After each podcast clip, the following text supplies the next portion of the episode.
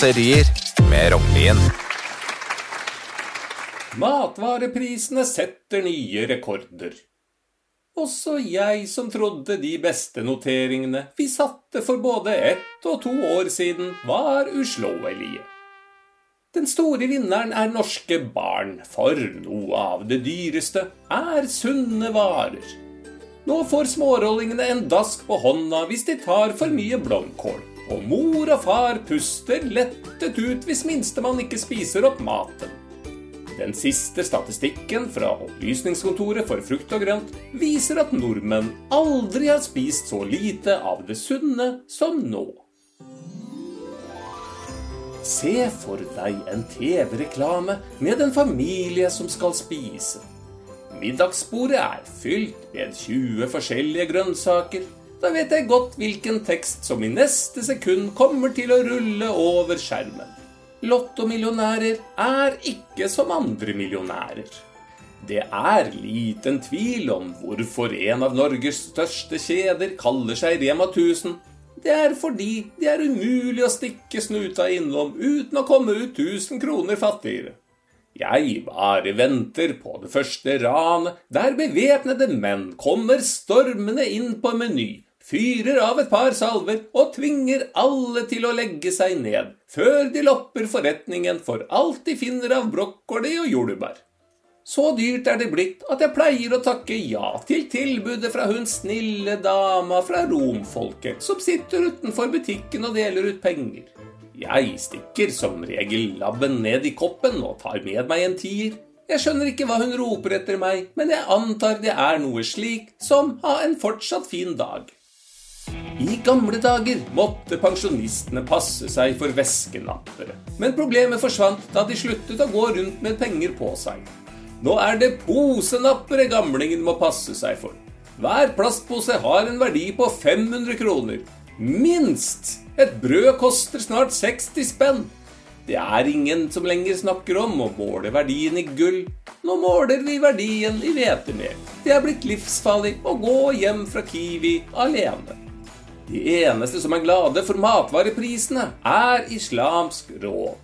Det har vært en tendens til at noen muslimer blir mindre religiøse, men nå er utviklingen stanset. Ikke en eneste en har råd til å gi seg med ramadan. Kristendommens frelser sto opp fra de døde i påska, og det var det jammen mange av våre landsmenn som også gjorde etter ti dager på fylla i fjellet. For nordmenn har misforstått. Vi har også 40 dagers faste, og den varer fram til påskeaften. Faste, ikke feste. Hørte dere det, alle dere som driver og tar en pinne i Trysil, Geilo eller Hemsedal? På afterski blir folk så fulle at de må bæres hjem. Det er naturligvis flaut å spy over seg selv, men for enkelte er det et plaster på såret hvis du i det minste var moteriktig antrukket. Selv har jeg ingen prikkfri klesstil, men det er da også det eneste positive med å gå i butikken. Om jeg stiller opp i en slitt shorts, crocs, fellekjøpercaps og en hullete og møkkete T-skjorte, så er det alltid noen som har en styggere påkledning. De som jobber der. Da Johan Johansson bestilte et nytt antrekk til de Kiwi-ansatte, satte han tre krav. Kjapt, stygt og billig.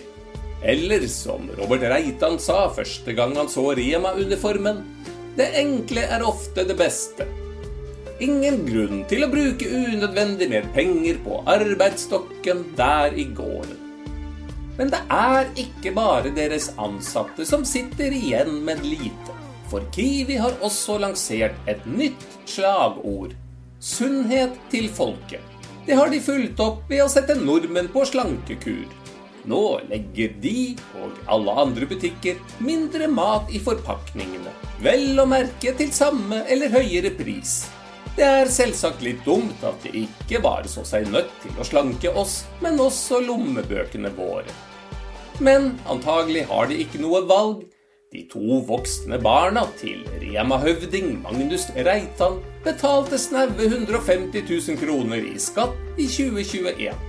Og det var til sammen. Det betyr at arvingene skattet mindre enn en gjennomsnittlig kassadame. Sannelig må det gå dårlig med dagligvarebransjen. Ikke rart fattiglusa så seg nødt til å ta med store deler av Rema-formuen og bosette seg i Sveits. Du har lyttet til Kuriøse kåserier